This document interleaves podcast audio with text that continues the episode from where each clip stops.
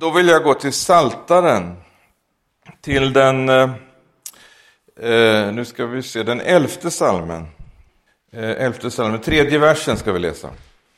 När grundvalarna raseras, vad kan då den rättfärdige göra? Eh, det slutar inte med en fråga utan det fortsätter. Herren är i sitt heliga tempel. Herrens tron är i himlen. När grundvalarna raseras jag tror att vi är många här som eh, kan konstatera att det, det sker verkligen ett intensivt rivningsarbete just nu i, i vårt land, eh, både i, i politiken, i hela kulturen är som en enda slags eh, rivningstjänst. Man vill riva ner ehm, det som eh, eh, helt enkelt har varit grunden för vårt kultur och mänskligheten överhuvudtaget i tusentals år. Och det som vi ibland kallar för en judisk kristen moral och etik och alltsammans detta. Vi ser liksom hur man Eh, eh, rasera. Och, och det här ordet rasera, det, det, det är ett hebreiskt ord eh, som då på hebreiska heter havras. Och det betyder, det, det är inte liksom bara någonting som sker passivt genom att eh, eh saker och ting kanske eh, vittrar sönder eller förfaller eller någonting sånt. Utan det, det är aktivt raserande som, som, det handlar om här. Det handlar om eh, synonymer riva ner, förinta, demolera, ödelägga, spoliera, omintetgöra, lägga i ruiner. Det är liksom eh, någonting som sker och som sker på ett oerhört eh, intensivt sätt Eh, det förklaras i, i eh, Nya Testamentet av, eh, av Paulus i andra Thessalonikerbrevets andra kapitel så talar han om, om laglöshetens hemlighet. Och han talar om den laglöse som ska komma. Och vi förstår, det handlar om, om antikrist. Så att eh, det är helt enkelt en antikristlig ande som det handlar om. Eh, vad ska då den rättfärdige göra?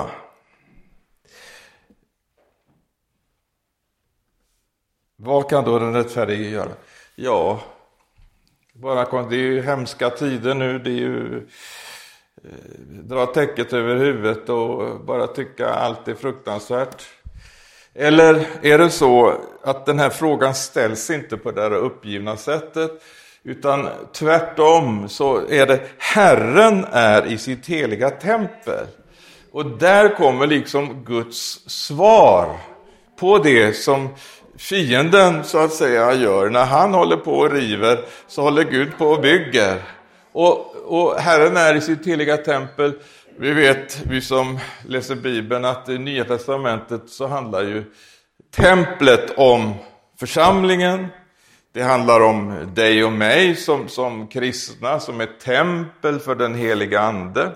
Så att när jag läser nu om templet här, då, då läser jag in församlingen. Herren är i sitt heliga tempel, Herren är i sin församling. Det är Guds svar på det som sker i samhället, det som sker i kulturen. Och att Gud liksom, på, ja men, eh, vad har vi för tänkesätt och för syn? Vilken slags syn har vi på församlingen? Uppenbarligen har ju Gud väldigt stora förväntningar då genom att församlingen liksom ska kunna eh, vara med och driva främmande herrar på flykten. Församlingen kan vara med och det, det, det, Jesus talar om det, att binda på jorden, det ska vara bundet i himlen, lösa på jorden, det ska vara löst i himlen. Alltså, Herren har uppenbarligen tänkt, eh, och han vill delegera av sin auktoritet till församlingen på jorden. Församlingen ska vara som en utpost av himlen. Det är vad, vad Jesus tänker om församlingen. Och eh, när, när när vi läser här om, om det här som sker då. Ja, vi kan titta på den här versen igen. Herren är i sitt heliga tempel, Herrens tron är i himlen. Han sitter på tronen i himlen och han är i sitt heliga tempel. Det är bara Gud som kan vara allestädes närvarande. Det är ingen människa, antingen är man på den ena platsen eller på den andra. Igår var jag i Emhult, idag är jag i Vetlanda. Vi kan inte vara på samma ställe samtidigt. Men Gud han kan. Han sitter på tronen och han bor i sitt tempel. Halleluja. Men jag, jag tänkte bara lite grann visa om hur går det till när nu fienden vill rasera, när det sker på det här aktiva sättet. Eh, jag ska ta ett exempel här utav hur många exempel som helst, men bara för att liksom åskådliggöra det lite grann, hur det kan gå till. Så vill jag nämna om ett exempel. Och det, det, här exemplet är ungefär ett år gammalt, ganska exakt ett år. Eh, det var en eh, klimatkonferens som avslutades den 18 november 2022. Idag är det 19 november 2023, så det är nästan ett år där då ju. Men då, då den kallades för COP 29, det var, eller 27, det var den 27 Eh, klimatkonferensen i, i, alltså toppmöte då i, i FNs regi som hölls då eh, vid det här tillfället. Och det var över 200 länder som var samlade. Och ett antal multinationella företag och organisationer. Det var alltså ett stort arrangemang som då gick av stapeln i Egypten, i Sharm el-Sheikh. Och i samband med det här mötet så hölls det då en speciell multireligiöst eh, klimatevenemang. Och eh, det var ingen tillfällighet att man hade valt just den här platsen i Egypten för att det var precis i närheten utav Sinai berg. Och när vi hör om Sinai, flera av oss i alla fall kan säkert relatera till till eh, hur Mose tar emot lagtavlorna där på Sinai berg. Och, och det, det, var tio budord som, som han fick där. Eh, det står eh, och, och, vi vet, alltså just denna helighet som uppenbart när Gud liksom ska möta människan Mose och, och liksom den helighet som uppenbaras där. Det står i Andra Mosebok 20 och 18 att eh, och det står att allt folket var vittne till dundret och eldslågorna, basunljudet och röken från berget.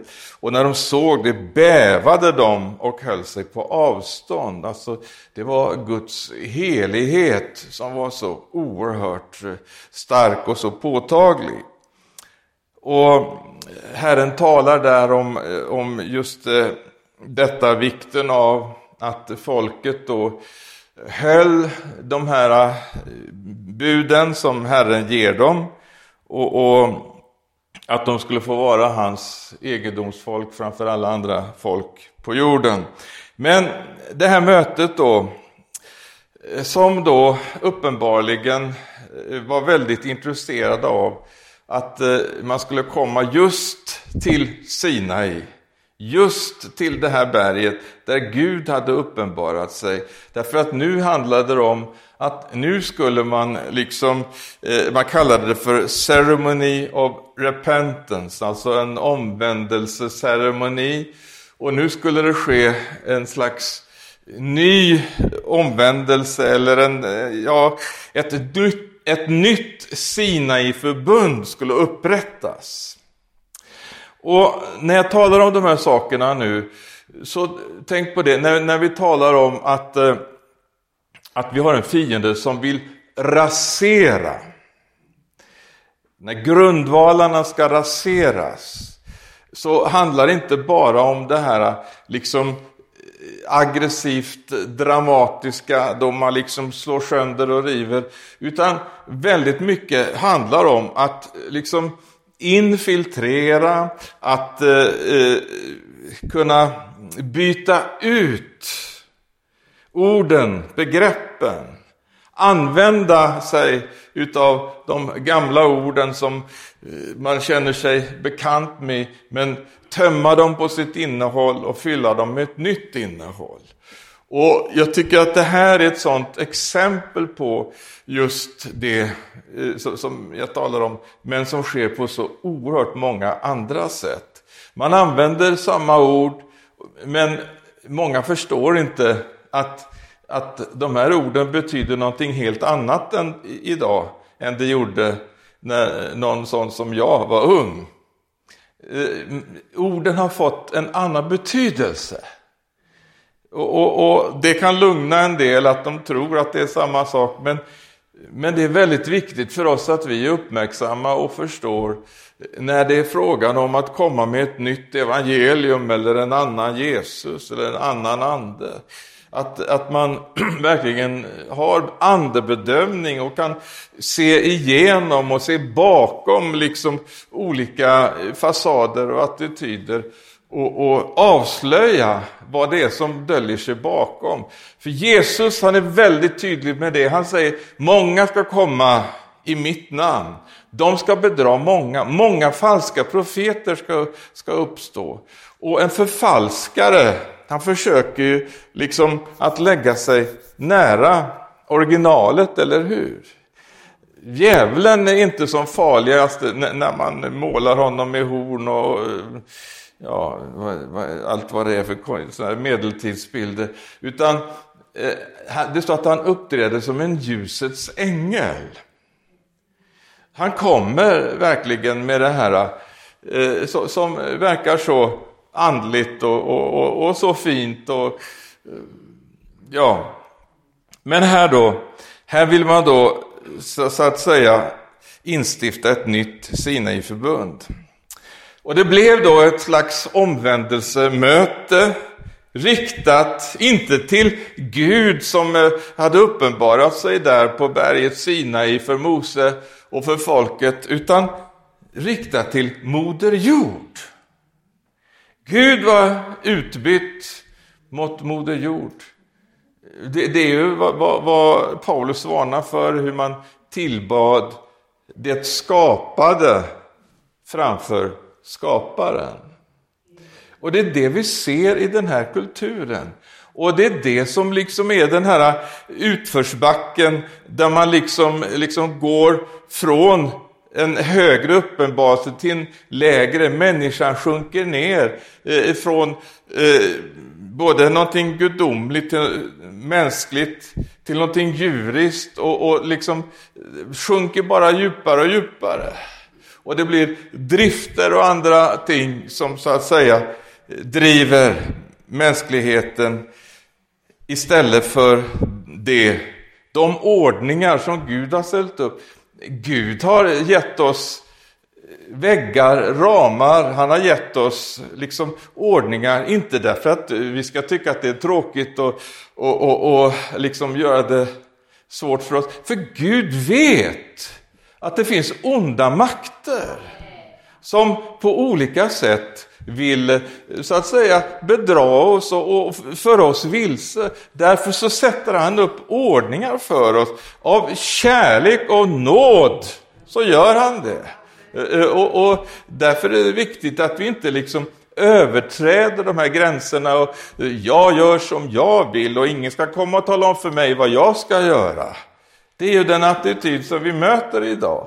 Men, men det finns någonting, det finns en Gud i himlen. Han har en plan, han har en vilja och han är en god Gud. Han älskar oss och det är därför han ger oss sina eh, ordningar så att vi inte liksom ska gå vilse eh, eller bli, bli liksom offer för olika eh, onda makter som är ute för att förstöra våra liv.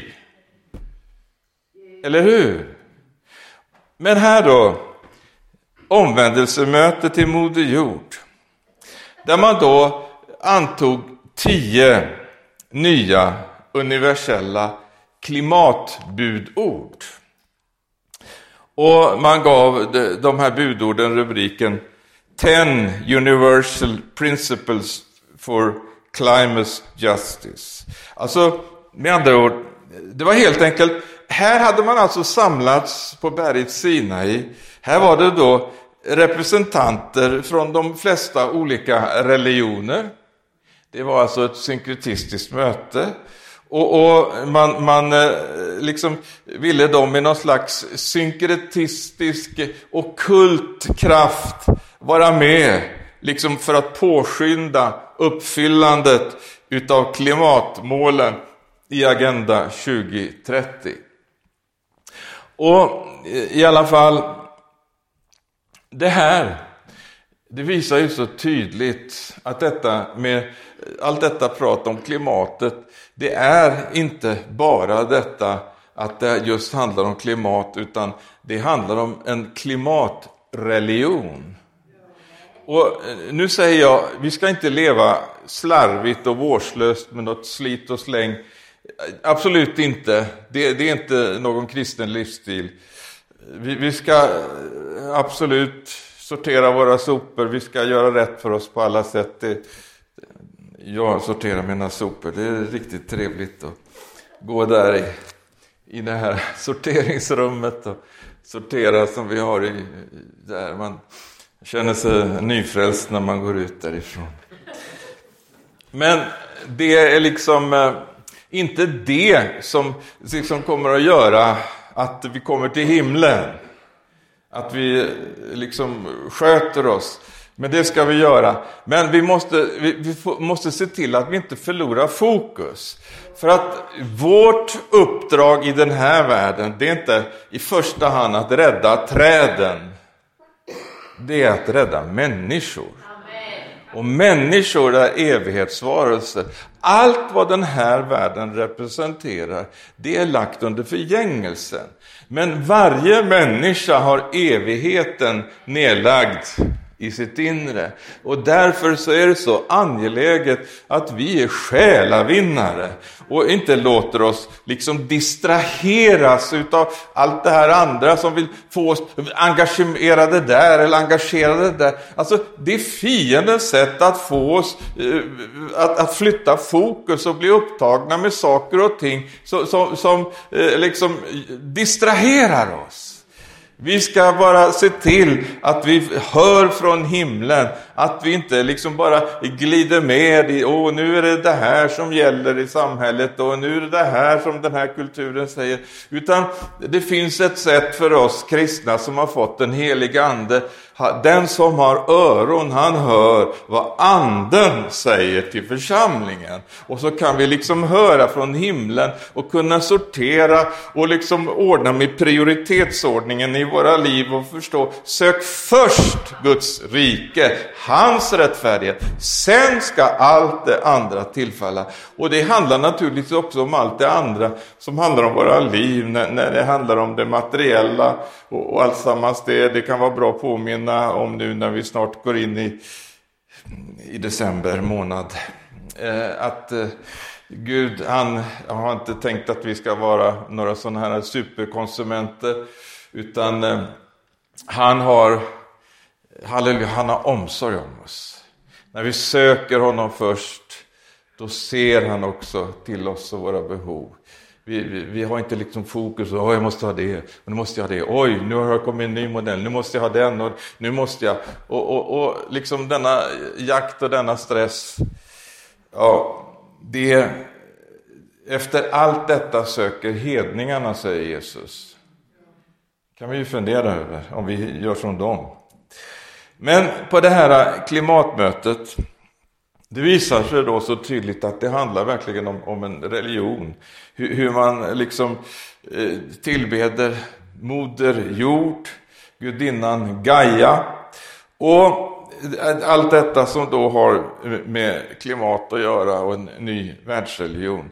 Och så här beskriver de här arrangörerna som arrangerade det här från de olika då religionerna. De, de säger att Religioner är inspir inspirationskällor för en djupare omvändelse och hjärtats förvandling och den efterföljande förnyelsen av sinnet. Känner ni igen liksom orden här? Va?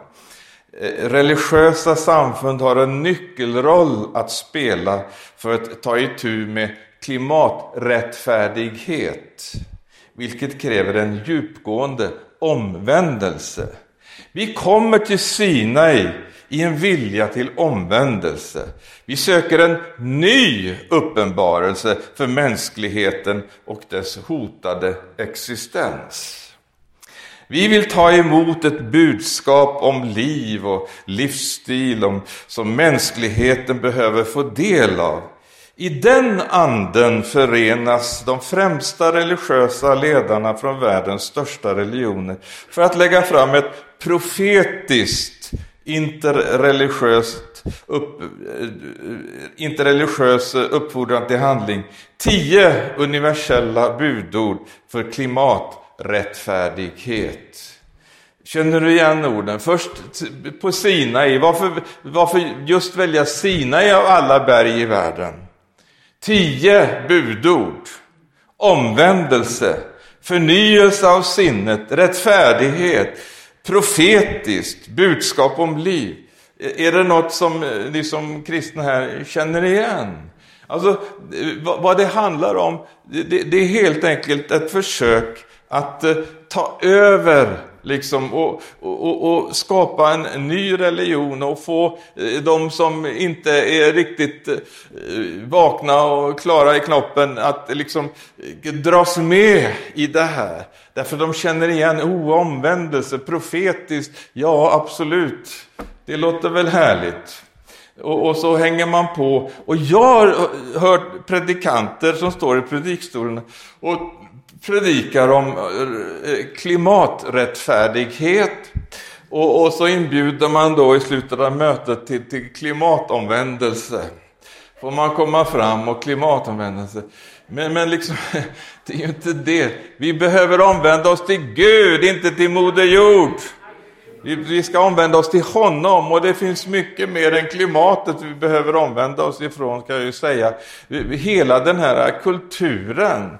Vi behöver verkligen få uppenbarelse att Gud får visa oss hur är det, vilket slags liv lever vi? Lever vi ett Guds rikes kulturlivsstil eller lever vi liksom bara eh, eh, den här eh, kulturens liv med ett kristet förtecken.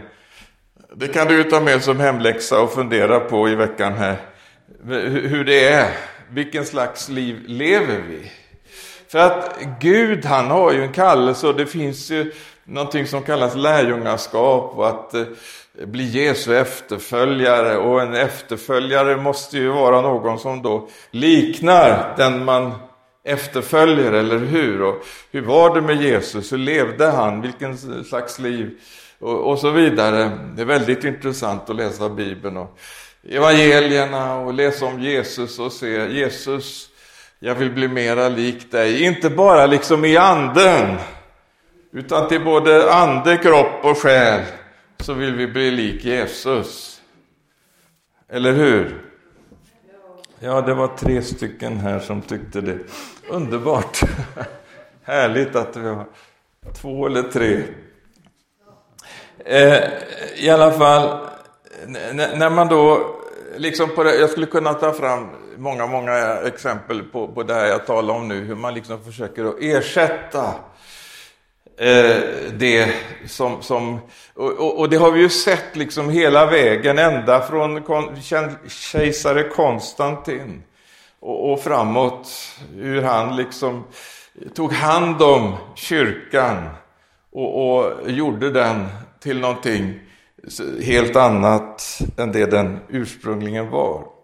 Men jag ska inte trötta er med det, men jag, jag, skulle vilja eh, fortsätta till den andra delen då utav det här som, som vi läste om här i det här citatet från eh, psalm 11. När grundvalarna raseras, vad kan då den rättfärdige göra?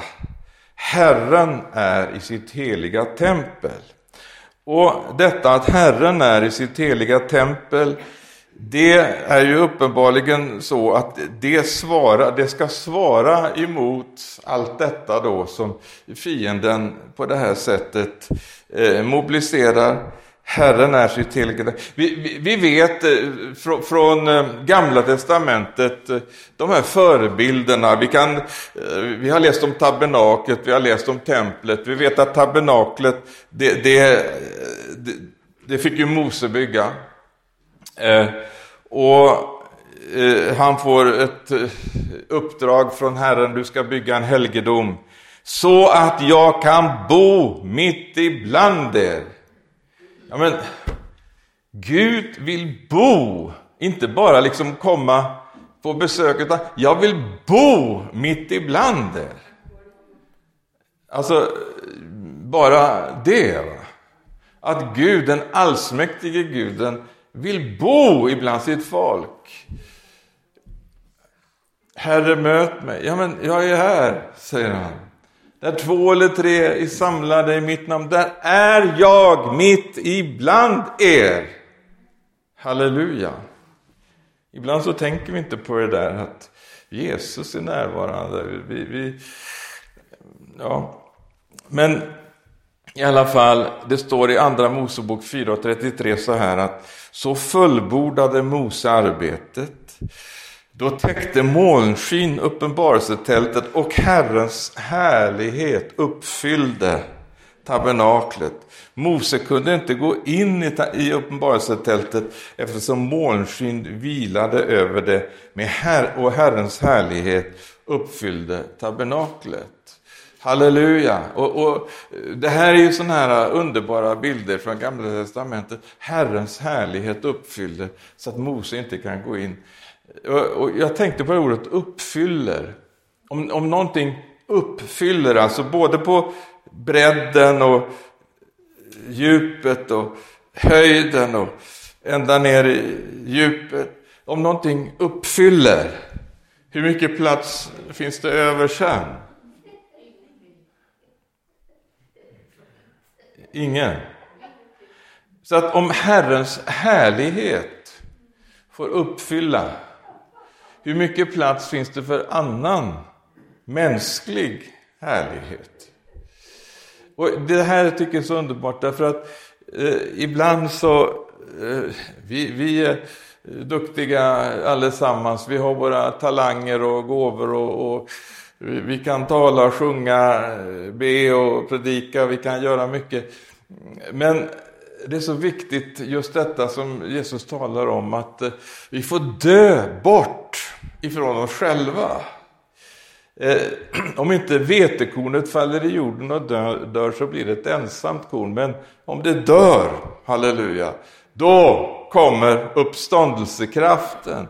Och då kommer Gud och då verkar han. Då är det inte vi så att säga eh, eh som liksom framträder, utan då är det Herren som framträder genom oss. Och det är ju det som är församlingsliv, när den heliga Ande får komma genom var och en. Och det är så att han ger åt var och en någon särskild gåva. Och alla är liksom med på det här sättet. Halleluja! Det, det, det, det är det underbaraste som finns i den här världen. När en församling får fungera på det sättet att, att alla liksom kommer in i, i det andens liv och flöde som Herren liksom har bestämt för oss var och en. Då handlar det inte om eh, våra uppträdanden eller någonting sånt, utan då handlar det om Jesus. Bara han. He, hela templet är fullt av hans härlighet. Halleluja. Och när det sker, halleluja, då är inte Jesus där bara som någon slags eh, eh passiv deltagare, utan han är verksam. Och när Jesus är verksam, du kan bara läsa evangelierna så ser du vad som sker. Människor som är sjuka, de blir helade. De som är bundna av onda makter, de blir befriade. Och, och, och eh, eh han verkar, människor blir frälsta. Eh, det står i, i, i första Korinthierbrevet 14 så talar Paulus om detta, liksom om den här andefyllda församlingen. Han säger, när någon som är icke-troende kommer in, så, så, så kommer man in och så säger åh, här bor verkligen Gud. Man kommer ut och, och, och det är det som är Nya testamentligt församlingsliv. Att Herren verkligen vill verka på det sättet. Så att, och det är ju det som vi då ser i de här förebilderna. Herrens härlighet uppfyllde tabernaklet och så småningom, några hundra år senare, så har vi templet. Det står Herrens härlighet uppfyllde templet så att eh, eh, prästerna inte kunde gå in därför att Herrens härlighet var så stor. Och allt det här är alltså bilder som pekar framåt mot det som du och jag nu upplever av församlingsliv i Nya testamentlig tid. Så att eh, när vi tänker på församling så, så jag, jag kände för min egen del att eh, jag behövde uppdatera mig lite grann och, och, och få jag, menar, jag har ju predikat församling i, höll jag på att säga, snart 70 år. Nej men vänta, så gammal är jag väl inte. Eh, ja, 50 år då, i alla fall. Och, och, och, och, och min pappa gjorde, det var ju hans eh, huvudämne. Och, min eh, farfar gjorde det, han var pastor tillsammans med T.B. Barrat i, i Norge liksom, det har ju varit de här eh, ämnena som vi verkligen har predikat genom alla år. Men jag bara kände det här, Jesus, visa mig, vad har du tänkt när, när, du menar att församlingen ska kunna representera en sån enorm maktfaktor?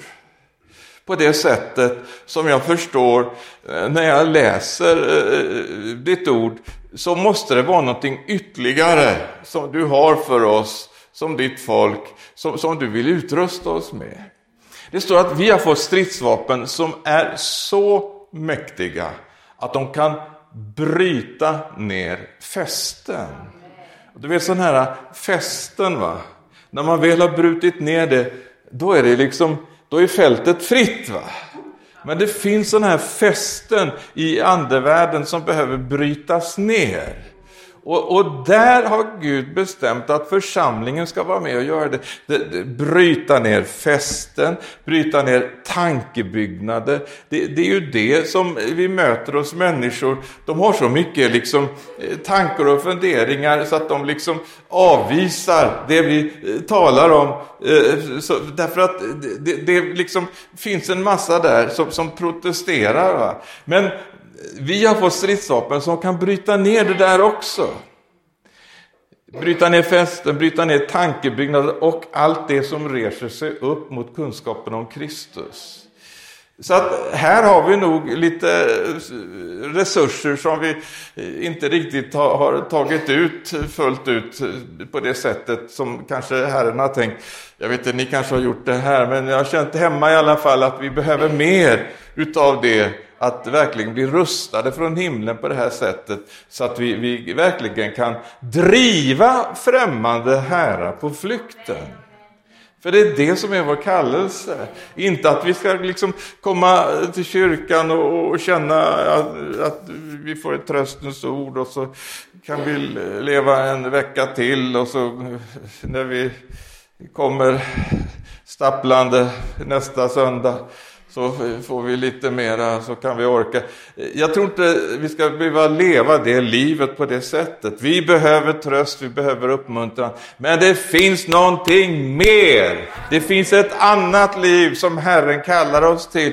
För han vill, han vill resa oss upp i sin helige Andes kraft. Han vill använda oss i sin tjänst och göra saker och ting. Han är undrens Gud. Halleluja och han vill göra under genom dig och mig. Han vill använda oss så att vi kan vara med och, och, och i, i, runt omkring oss så börjar det hända saker och ting och vi får vara med och i Jesu namn får, får vi liksom uh, uh, åberopa, som, som eh, apostlarna sa, det är den kraften som verkar genom Jesu namn som ni ser här, som har skett genom det, det, det de såg av de sjuka som blir helade och så vidare. Men just det här, jag, jag vill bara ta det här i, i, i sista eh, delen här, att, eh, att vi får se att eh, Gud, han har verkligen en plan. Och Paulus, han var ju väldigt införstådd med Eh, detta som då hade om med synagogorna att göra och det liv som levdes där i synagogorna. Han reste ju mellan olika synagogor så han visste ju precis hur det gick till. Man hade ju skrifterna, man hade ju gamla testamentet, man läste ju.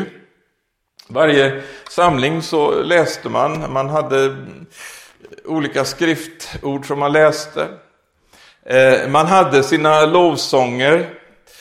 Man sjöng ur saltaren och, och, och man sjöng och man eh, ärade Gud och man bad sina böner. Så liksom det här livet, ungefär som en svensk frikyrka, eh, kan jag tänka mig, gick det till. Men Gud var tvungen att denne Paulus som var så välbekant med just det här gudstjänstlivet, han behövde en speciell uppenbarelse för att se vad församlingen var för någonting. För Gud hade tänkt någonting alldeles speciellt med sin församling. Och när vi då kommer till Efesierbrevet, det tredje kapitlet, så, så ser vi ju där hur Herren liksom talar till honom eh, eller, eh, vi kan läsa i tredje kapitlet, fjärde versen.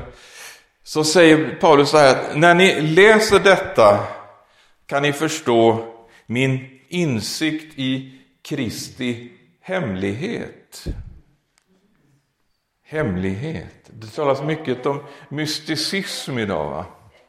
Men det är liksom inte det där eh, mystiska, eh, att djup, dyka djupt ner i, i massa Eh, otydligheter, utan det, det handlar om en insikt i Kristi hemlighet. I forna generationer var den inte känd för människor så som den nu har blivit uppenbarats genom anden. Halleluja! Och så fortsätter vi till åttonde versen. Jag, den allra minsta av alla heliga, har fått denna nåd att predika evangeliet om Kristi ofattbara rikedom. Och så säger han, för hedningarna. Och för att upplysa alla om planen.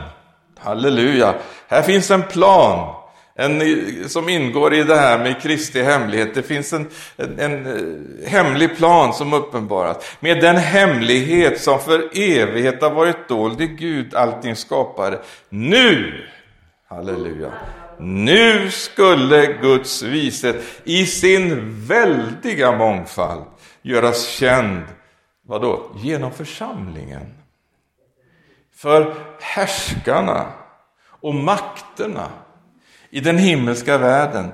Detta var det eviga beslut som han förverkligade i Kristus Jesus, vår Herre.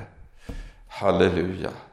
Så att uppenbarligen här har Gud en väldigt, eh, ett väldigt speciellt uppdrag för församlingen. Genom församlingen ska det ske. Att eh, först detta med eh, Kristi ofattbara rikedom, det ska predikas för hedningarna.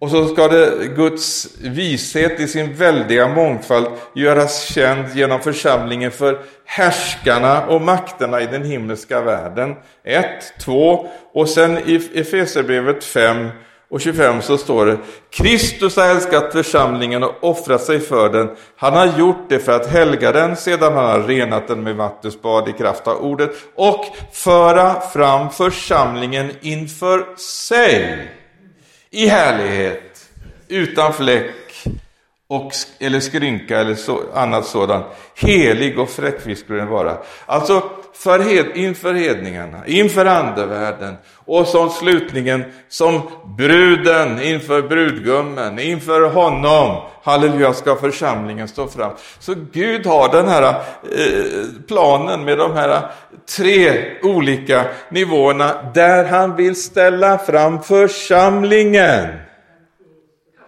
Alltså inte några änglaväsen eller keruber eller serafer, utan du får vara med.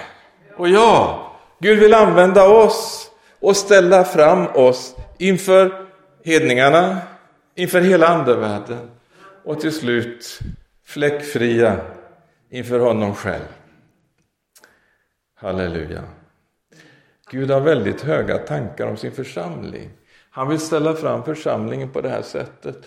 Och det behövs uppenbarelse, precis som Paulus får här, att vi verkligen får se att församlingen är inte bara den här gemenskapen eller föreningen där vi kommer tillsammans vid olika eh, klockslag i veckan, utan Gud han har verkligen en plan med sin församling och fienden gör naturligtvis allt för att vi inte ska få förstå vad Gud vill.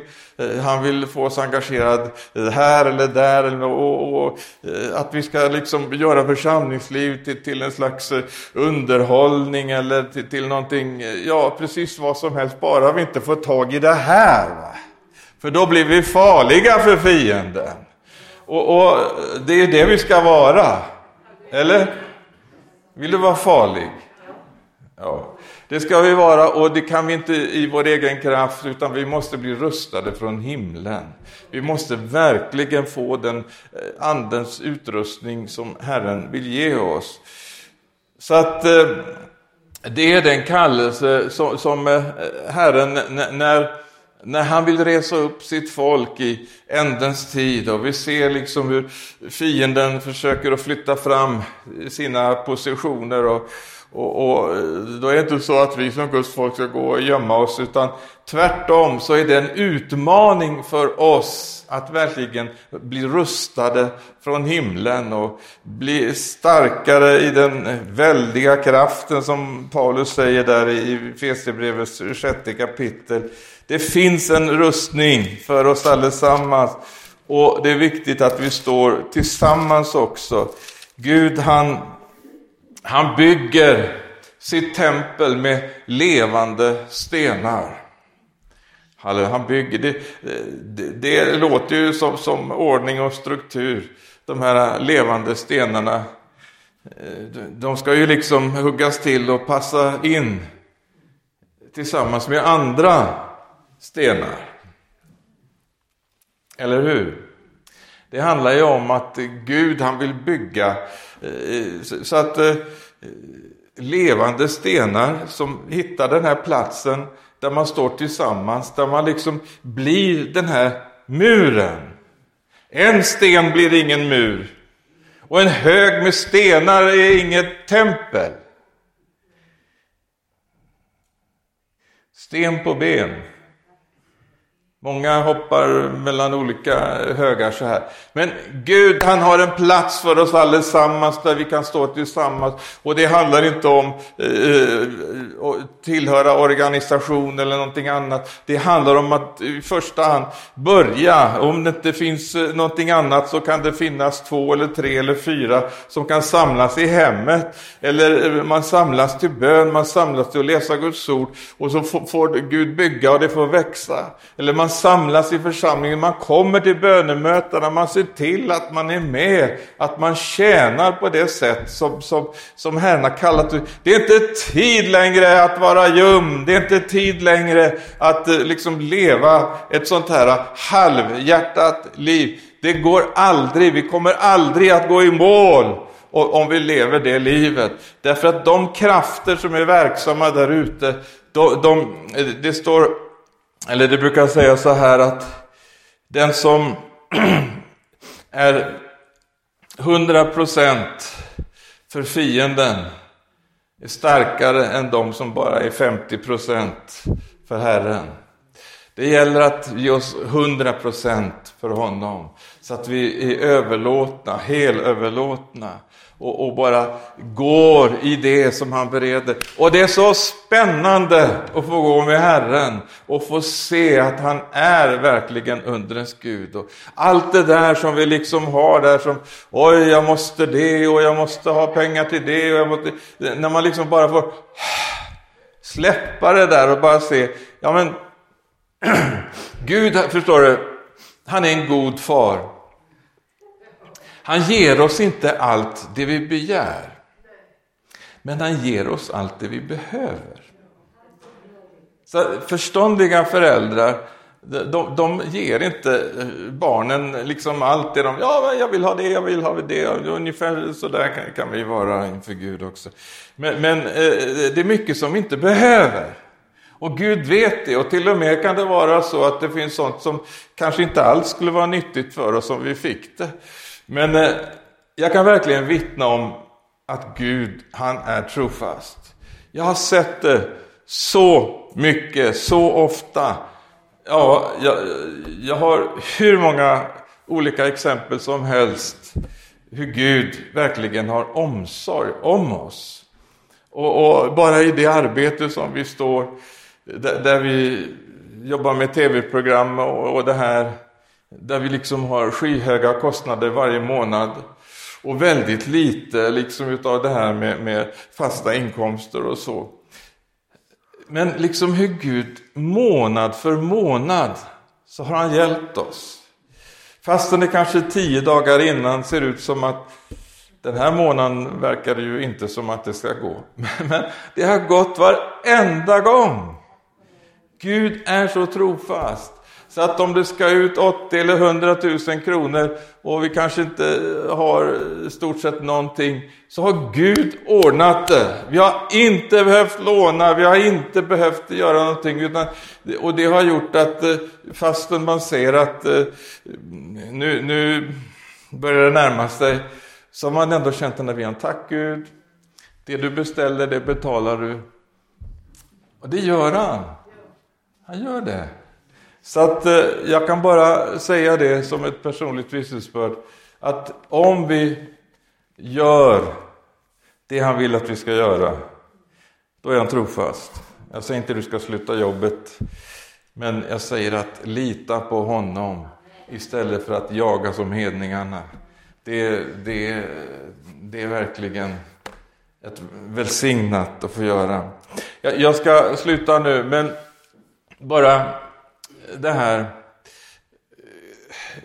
Gud, han vill ta ut ett folk i den här sena tiden. Han, hans kallelse går ut. Det är villigt kommer ditt folk när du samlar din här, står det i salmen. Det är väl psalm 110 tror jag. Eh, och, och det är som att den här kallelsen går ut nu idag att Herren, han talar till hjärtan, han talar till dem som, som, som verkligen vill lyssna in. Vad, vad säger himlen i all den här förvirringen och allt det som är här ute? Vad vill Herren tala? Och så får vi träda närmre och höra vad han säger och på vilket sätt han vill utrusta oss och, och, och så att säga hur vi får tjäna i den speciella eller unika uppgift som han har gett för oss var och en. Var och en. Vi, vi är inte bara konsumenter, vi är producenter. Vi är med och, och så att säga utför ett arbete, en tjänst för Herren. Så Gud välsigne dig var du än är och Herren vill bara förnya uppdraget. Det står att vi ska göra vår kallelse och utkårelse fast. Då ska vi aldrig komma på fall. Gud välsigne dig att eh, stå för honom i den här sena tiden och, och bara vara med. Och, och, ja, jag, tror, jag tror Gud kommer att, att verka i det här landet. Han tar ut ett folk. Det, det, det sker någonting nu. Det är som ett svärd som går rakt igenom kristenheten. Många som anpassar sig till kulturen och liksom backar ifrån sina, eh, det de har stått för tidigare. Men det finns ett folk som vägrar att gå den vägen. De säger vi följer Jesus, vi följer inte kulturen. Halleluja. Och det folket kommer Gud på ett alldeles speciellt sätt att rusta för, för den här sista tiden. Tack Jesus att vi får känna dig idag Herre, att eh, du har eh, helig ande smörjelse och kraft, Jesus Kristus, till, till ditt folk, Herre. Tack att du utgjuter av den, din heliga Ande i den yttersta tiden, Herre. Tack att du kommer, Herre, med din kraft över oss var och en, Herre. Att vi får tjäna